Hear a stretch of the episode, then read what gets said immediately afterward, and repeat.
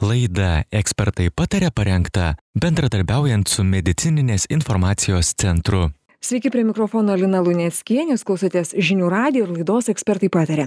Šiandien norime kalbėti apie sveikatą, imuniteto svarbą ir stiprinimą, nes jau tapo tradiciškai, kad tik prasidėjus šaltajam sezonui ir augant susirgymui, šis klausimas tampa mums visiems aktualus. Žinoma siekiamybė yra kad savo sveikata ir imunitetu rūpintumėmės visus metus o ne tada kai užklumpa ligos.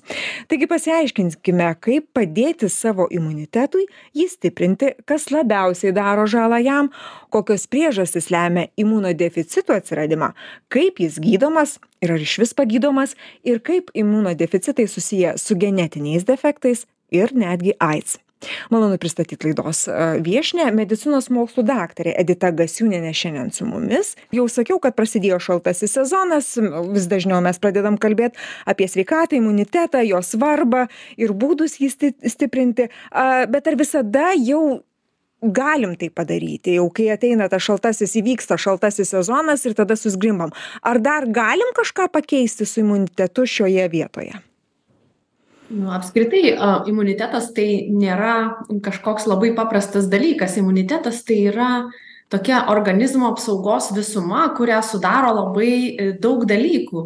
Iš principo imunitetą sudaro įvairūs organai kraujo ląstelės ir imunitetą gali įtakoti tokie dalykai kaip e, padidėjęs virusų ar bakterijų e, paplitimas tam tikru metų laiku mūsų aplinkoje tai turbūt natūraliai mes galime dažniau ir sirgti šiomis ligomis teigiamai įtakoti savo imuninę sistemą mes galėtume labai labai paprastais dalykais. Jokių stebuklų nereikia. Tiesiog mes turėtume laikytis darbo ir poilsio režimo. Labai toksai paprastas sakinys bet jis labai daug atspindi. Iš tiesų mes turėtumėm žinoti kad negalima persidirbti turime tinkamai miegoti turime visavertiškai maitintis maistu kuriame yra visos būtinos mūsų organizmui medžiagos taip pat nepamiršti geležies stokos vitamino d kurie taip pat turi įtakos mūsų ląstelių brendimui tam tikrų medžiagų gamybai ir apskritai grūdinimasis taip pat gali prisidėti prie mūsų teigiamos imuninės sistemos veiklos. Tai čia tokie labai labai paprasti dalykai jokie stebuklai ir ir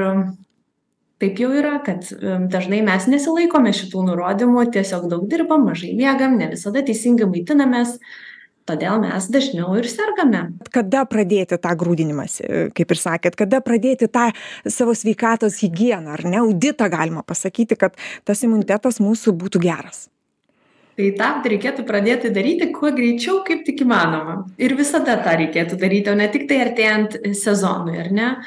Tačiau am iš tiesų turiu pasakyti turbūt kad am tokių stebuklingų piliulių ar kažkokių tai stebuklingų dalykų kuriuos mes va čia staiga suvartoję ir turėtumėm tą savo imuninę sistemą labai labai stiprią taip taip dažniausiai nėra. Ir ir mes labai dažnai turim ir ir tokių neteisingų dalykų kaip maisto papildų skatinamą vartojimą kuris ne visada yra tiesa ir tikrai turime pasakyti kad galbūt nereikėtų to daryti tada kada nereikia.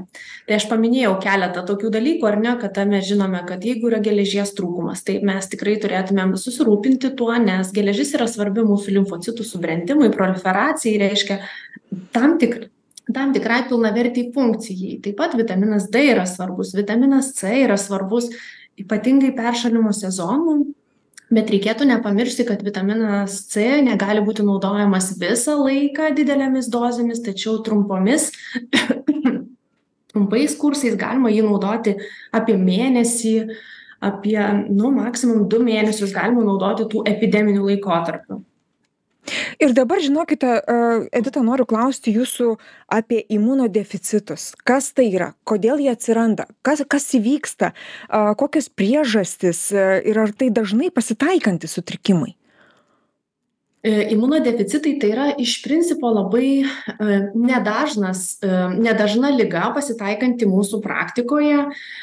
Kartais mes imunodeficitus traktuojama tiesiog kaip šiek tiek sutrikusį imunitetą mm, tokioj bendroj populiacijoj ar ne taip bendrai šnekant kada dažniau pradedam sirgti. Tačiau turbūt turėčiau paminėti kas yra dažnai sergantis žmogus. Kada mes turime atskirti kada yra norma ir kada yra ne norma ar ne kada mes kalbame apie vaikus ikimokyklinio amžiaus tai vaikai gali sirgti pavyzdžiui nuo šešių iki aštuonių kartų ne nekomplikuotomis virusinių kvėpavim e, viršutinių kvėpavimo takų infekcijomis per metus. Ir čia skaitoma kad tai yra normalu ir vaiko imuninė sistema mokinasi atpažinti em tuos visus sukėlėjus ir ir ateity juos prisimins ir taip dažnai nebesirgs ar ne tačiau toks infekcijų dažnis suaugusiam asmeniui jau yra nenormalu ar ne? Jau mes turėtumėm atkreipti dėmesį kad taip tai nėra gerai. Tokiu atveju kada mes turime pavyzdžiui dvi pneumonijas arba vadinamuosius plaučių uždegimus keletą metų iš eilės reikėtų tikrai kreiptis į imunologą. Tada kada turime du arba daugiau sinusitus per metus nesant alergijos ar ne? Kada turime du ar daugiau ausų uždegimus per metus tai taip pat yra ženklas kad imuninės sistemos sutrikimas e, galėtų egzistuoti ir mums reikėtų atkreipti tai dėmesį. Tai čia tokie paprasti ženklai kaip labai paprastai atpažinti kad mes galėtumėm turėti sutrikusį imunitetą. Taip pat turiu pasakyti kad imunodeficitai tokie kaip liga gali būti pirminė tai reiškia įgimta arba sąlygota tam tikrų genų sutrikimo ir jos yra iš tiesų labai labai retos. Ir gali būti antriniai kurie atsiranda gyvenimo eigoje ir nėra dėl genetinių defektų. O pavyzdžiui gali būti tada kada žmogus suserga tam tikromis sunkiomis infekcijomis ar ne? Tai viena iš jų mes visi labai gerai žinome tai yra žmogaus imunodeficito virusas kitos virusinės infekcijos kurios gali tikrai sukelti imunodeficitinę būklę tai yra citomegalo virusas epštein baro virusas. Gal esat girdėję tokią ligą infekcinė mononukleozė. Netgi ir E, herpetinės infekcijos žinote viso visa ta šeima herpes virusų gali laikinai įtakoti mūsų imuninės sistemos sutrikimą taip pat tam tikros onkohematologinės ligos iš tiesų paveikia mūsų imuninės sistemos ląsteles ir todėl mes nesugebam gaminti tam tikrų medžiagų kurios mus apsaugo nuo infekcijų ar ne?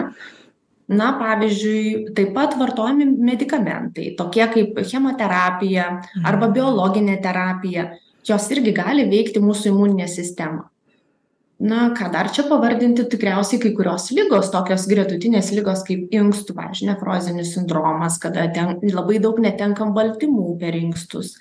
Kada per žarnyną galime netekti daug baltymų ar ne lėtinės uždegiminės žarnyno ligos kada ištisai žmogus viduriuoja. Tai va tokie a momentai tokios gretutinės ligos taip pat gali lemti tą imunodeficito atsiradimą. Tai antriniai imunodeficitai tokie kurie įgyti dėl kažko atsiradę jie yra dažnesni iš tiesų negu pirminiai. Edita o mhm, o kaip yra lietuvoje? Kokia kokią lietuvoje situaciją stebime su imun imunodeficitais ir jų sukeliami sukeltomis sutrikimais su ligomis ir ir pa tomis jūs kalbate apie pirminį ir antrinį imunodeficitą ar ne? Daugiau gal turit omeny. Apie aids e, sukeltą ligą ar ne? Tai žmogaus imunodeficito virusas e, užsikrėtimas tuo virusu tai nereiškia kad dar žmogus turi imunodeficitą tai tiesiog yra virusinė liga ar ne? Jeigu jinai yra nediagnozuota laiku ir negydoma taip ji gali privesti prie žmogaus imunodeficito viruso sukelto imunodeficito tada kada jau pradeda trūkst įvairių ląstelių ir mes pradedame dažnai sirgti infekcijomis ar ne? Tačiau lietuvoje m šitos statistikos aš jum pasakyti negaliu nes iš principo šitą ligą daugiausiai gydo gydytojai infektologai. Tai čia turbūt jie daugiausiai galėtų pa pakomentuoti. Iš tiesų nežinojau kad reikėtų pasidomėt šita statistika būčiau turbūt pasidomėjus ir labai paprastai atsakius bet tiesiog nepagalvojau apie tai atsiprašau o daugiau mes e, dirbame su pirminiais imunodeficitais kurie yra iš tiesų labai retos ligos. Maždaug taip pasauly yra paskaičiuota kad pirminiu imunodeficitu serga vienas iš dvidešimties tų iš dešimties tūkstančių žmonių. Jų yra labai įvairių ar ne? Tai gali būt vieni ypač reti kiti dažnesni tai mes lietuvoje šiuo metu tokius jeigu apytikslius duomenis jum pasakyt pirminių imunodeficitų susumavus vilniaus universiteto santaros klinikų ir e, lietuvos sveikatos mokslų universiteto kauno klinikų duomenis ir kuruojamus pacientus tai šiuo metu turėtumėm netoli šimto penkiasdešimties mūsų sąrašuose tokių pacientų. Ne visi yra gydomi bet jie yra tarsi registre mūsų tokiam vidiniam ar ne bet apskritai tai pagydoma ar nepagydoma? Ar ar ar čia ar ir kaip gydoma? Kaip vyksta gydymas? Tai mes turbūt turėtumėm jum pasakyti kad imunodeficitai pirminiai kas yra tai jie yra labai įvairūs ar ne? Daugiausiai yra su imunodeficitu susijusių su antikūnų nepakankamumu kada trūksta antikūnų nepakankamumo e, kada trūksta antikūnų ar ne tai yra imunoglobulinų vadinamų mes juos galime papildyti. Ir tai atliekama gana paprastai. Mm. skiriamas tas gydymas ir jisai tęsiamas visą paciento gyvenimą. Ir mes tą darom. Taip kai kurie imunodeficitai pasižymi truputį sudėtingesniais ar ne pakitimais tai tokiu atveju reikėtų spręsti labai individualiai pavyzdžiui yra pacientų kuriems galima skirt antibiotikus ilgą laiką ar priešvirusinius ar priešgrybelinius medikamentus. Bet yra tokių pacientų kuriems reikalinga net atlikti kraujodaros kamieninių ląstelių transplantaciją ir tokie pacientai yra visai neblogai pagydomi ir tikrai gali gyventi visavertį gyvenimą. Tai čia labai labai individualus požiūris. Turi būti į kiekvieną imunodeficitą ir tos problemos sprendimą norėjau jūsų kaip tik ir klausti kad jeigu yra diagnozuotas imunodeficitas a kaip tas gyvenimas pilnavertis ką jūs ir kalbate kaip jisai vyksta ar įmanoma tą pilnavertį gyvenimą gyvent turint tokį tokią ligą? Bet jūs kaip ir paminėjote jeigu jeigu tinka jeigu jeigu pavyksta gydymas tai tas pilnavertis gyvenimas ir vyksta mes iš tiesų labai stengiamės kad e, ar vaikai ar suaugę sergantys pirminiu imunodeficitu bei jų šeimos jie gyventų kuo labiau visavertį gyvenimą. Stengiamės jiem padėti visais medikamentais įmanomais. Taip pat mokome kaip reikia gyventi reiškia kaip reikėtų vengti infekcijų ar ne? Kaip reikėtų vakcinuoti šituos žmones yra nes yra tam tikros taisyklės kaip tą reikia daryti ir ko nedaryti. Kad jie visada turėtų atitinkamų medikamentų namuose pavyzdžiui tokių kaip antibiotikai ar priešvirusiniai ir panašiai. Tam kad jie galėtų kuo greičiau užkirsti kelią tai infekcijai kuri gali labai greitai išplisti ar ne ir sukelti labai sunkias komplikacijas. Tai stengiamės dirbam ir ir ir tikimės kad jie gali gyventi tą gyvenimą. Tokį kuris vadinamas visavertis. Edita aš dar noriu jūsų klausti apa apie paveldė e paveldėtoji angioedema e ir ir ir apie ją išsamiau kas kas kas čia yra su kuo mes čia susiduriam oi paveldėtoji angioedema yra iš tiesų labai labai retas imunodeficitas kuris vienintelis iš tų pirminių vadinamųjų gimtų imunodeficitų pasižymi tuo kad nėra jokių dažnų infekcijų o žmogui pasireiškia angioedemas ar arba vadinamas patinimas tam tikrose kūno vietose. Ir tie patinimai gali būti labai labai įvairiose vietose. Gali staiga nei iš šio nei iš to be jokios priežasties sutinti lūpą am skruostas gali sutinti pirštas ar visa galūnė. Taip pat gali būti ir vidaus organų paburkimai patinimai kurie sukelia labai stiprius staigius pilvo skausmus iš tiesų kartais net dėl tų pilvo skausmų labai sunku atpažinti kad tai yra paveldima angioedema ir nukreipti ir nukreipti į į gydytoją atitinkamą kuris galėtų diagnozuoti tą ligą. Ir neretai tokie pacientai patiria daug įvairių intervencijų sakykim net ten ir būna be reikalo išoperuotas ir apendicitas ar ne dėl to kad nu primena kliniškai tą vat vaizdą. Pilvą skauda lyg tai kažkokio tai skysčio pilve randama. Iš tiesų tai yra nelengvai diagnozuojama liga ir ją ir ją gana sunku atpažinti. Ir jinai yra paveldimoji tai reiškias jinai kaip pereina iš kartos į kartą tu iš iš tėvų paveldėjai ją kaip kaip čia yra? Kodėl jinai turi tokią tokį pavadinimą ir ir ar vaikai ją pasiima į savo imunitetą? Tai čia labai geras klausimas. Iš tiesų pavadinimas taip ir vadinasi paveldėtoji angioedema tačiau mes matome kad ne visada būna genas paveldėtas iš kartos į kartą nors mes turime šeimų ištisų kurios serga ten i kelios kartos iš eilės ar ne nebūtinai visi asmenys serga bet tam tikra tikimybė yra asmenims paveldėti.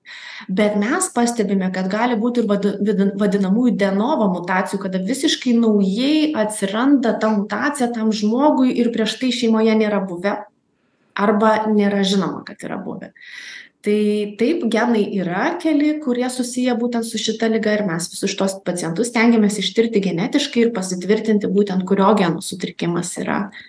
Ir ir perspėti ir ir ir ir ir tą asmenį kuris serga šita liga ir galbūt ateičiai jam labai svarbu turėt šitą informaciją. Nes- edita žiūrėkit sergantiems paveldėtąja angioedema dažniausiai pirmieji simptomai pasireiškia sulaukus dvidešimties nuo dvidešimties iki trisdešimties metų. Tai tai jinai taip ilgai tūno tavyje ir paskui labas štai ir aš ar kaip čia nu pa pa pakomentuokit plačiau. Su paveldėta angioedema yra yra toks momentas sakykime kad nebūtinai nebūtinai jinai turi pasireikšti tuo metu bet čia turbūt jūs turite statistiškai. kada dažniausiai taip dažniausiai pasireiškia. nors mes sakykime savo klinikoj turim vaikelį kuriam pusantrų metų pasireiškė šita liga. Taip jinai šiek tiek dažniau pasireiškia jau einant link paauglystės ir jau apie dvidešimties metų amžiuje bet tikrai gali prasidėti bet kada ypatingai tada kada žinome kad jeigu yra tikslus genas pas tėvus tai reikėtų atidžiau stebėti savo vaikus ir tada laukti ar ar ar nepraleisti to momento nes atsiradus angioedemai žinot jeigu sutinsta pirštas ar sutinsta lūpa tai nėra atrodytų gyvybei pavojinga situacija. Bet jeigu mes turime gerklų ar liežuvio patinimą ar ne tada situacija gali būti labai labai gyvybei pavojinga ir gali įvykti asfiksija arba vadinamasis nu kaip pasakyt uždusimas. Ir mes deja bet turime tokių liūdnų atvejų lietuvoje ir ir tikrai norėtumėm kad jų nebūtų. Edita ir pabaigai kadangi jau mūsų mūsų laikas laidos eina į pabaigą gal dar reziumuojant mūsų pokalbį visą apie imunitetą imuniteto stiprinimą norėtųsi išgirsti iš jūsų tokį kaip kaip rekomendacijų rinkinį mums visiems į ką mes privalom atkreipti dėmesį norėdami na tikrai pasidžiaugt savo imunitetu jį gerbt mylėt ir ir ir kad jisai duotų tą grąžą kurios mes labiausiai norime tai yra sveikatą. Jeigu mes kalbam apie bendrąją populiaciją ar ne apie visus bendrai bendrai lietuvos gyventojus tai visiems norėčiau palinkėti labiau mylėti save ir tikrai laikytis to tokios atrodytų labai labai paprastos frazės bet labai teisingos. Reiškia dirbti ne per daug bet atitinkamai ar ne? Ir ils mokėti ilsėtis ir miegoti. Atitinkamai maitintis ar ne? Mylėt savo kūną ir duoti jam tai ko reikia. Kad maistas būtų tikrai visavertis kad būtų pilnas ir vitaminų ir tam tikrų aminorūgščių kad mes dažniau būtumėm gryname ore ir jeigu turime kažkokių sveikatos problemų tai mes jas turėtumėm atitinkamai spręsti o ne pamiršti jas ar ne ir ir ir ir neduoti gydymo tai mes turėtumėm spręsti ir geležies stokos problemas ir vitamino d stokas. Ir galbūt jeigu turime kažkokių kitokių gretutinių ligų tai jas reikėtų taip pat atitinkamai gydyti. Tai turbūt mano tokios būtų bendros rekomendacijos. Mylėkim save prižiūrėkim save ir džiaukimės žiemos malonumais ir išmokime išmokime ir pasiekime to balanso va ką ką tikriausiai šiais šiandien ypač aktuali aktualus aktualus pa palinkėjimas rekomendacija darbas ir poilsis turi būt suderinti nes kito kito kito nes mes visi lekiame bėgame ir atrodytų norime padaryti kuo daugiau bet iš tiesų reikėtų na tiesiog pamąstyti ar tikrai viską suspėsime ar ne ir edita tikriausiai na šiuo atveju guglas nėra pati geriausia išeitis savigydai o kreiptis tikriausiai reikėtų pas specialistus kurie profesionaliai nustatytų kas gi jums yra. Jeigu ir įvyksta kažkokie kažkokie netikėti reikalai su jūsų sveikata tikrai taip norėčiau turbūt pasakyti kad jeigu jūs jaučiate kad jūs sergate per dažnai negu bendrai serga jūsų draugai ar pažįstami ar ne jeigu jūs tikrai turite keletą plaučių uždegimų iš eilės jeigu jūs dažnai sergate sinusitais ausų uždegimais jeigu atsiranda dažnai viduriavimas ir svorio kritimas nesant kažkokios kitokios priežasties taip pat jeigu jus vargina labai dažnos ir virusinės infekcijos ne tik bakterinės ar ne tuomet tikrai galima būtų kreiptis į alergologą klinikinį imunologą išsitirti savo imuninės sistemos būklę ir tuomet pasitarti su specialistu kaip ir ką toliau daryti. Ką gi edita noriu jums dėkoti už pokalbį. Žinių radijo klausytojams primint kad laidoje ekspertai pataria mes kalbinome medicinos mokslų daktarę editą gasiūnienę laidą vedžiau aš lina luneckienė jūs ir toliau likite su žinių radiju sveikų jums dienų Laida ekspertai pataria parengta bendradarbiaujant su medicininės informacijos centru.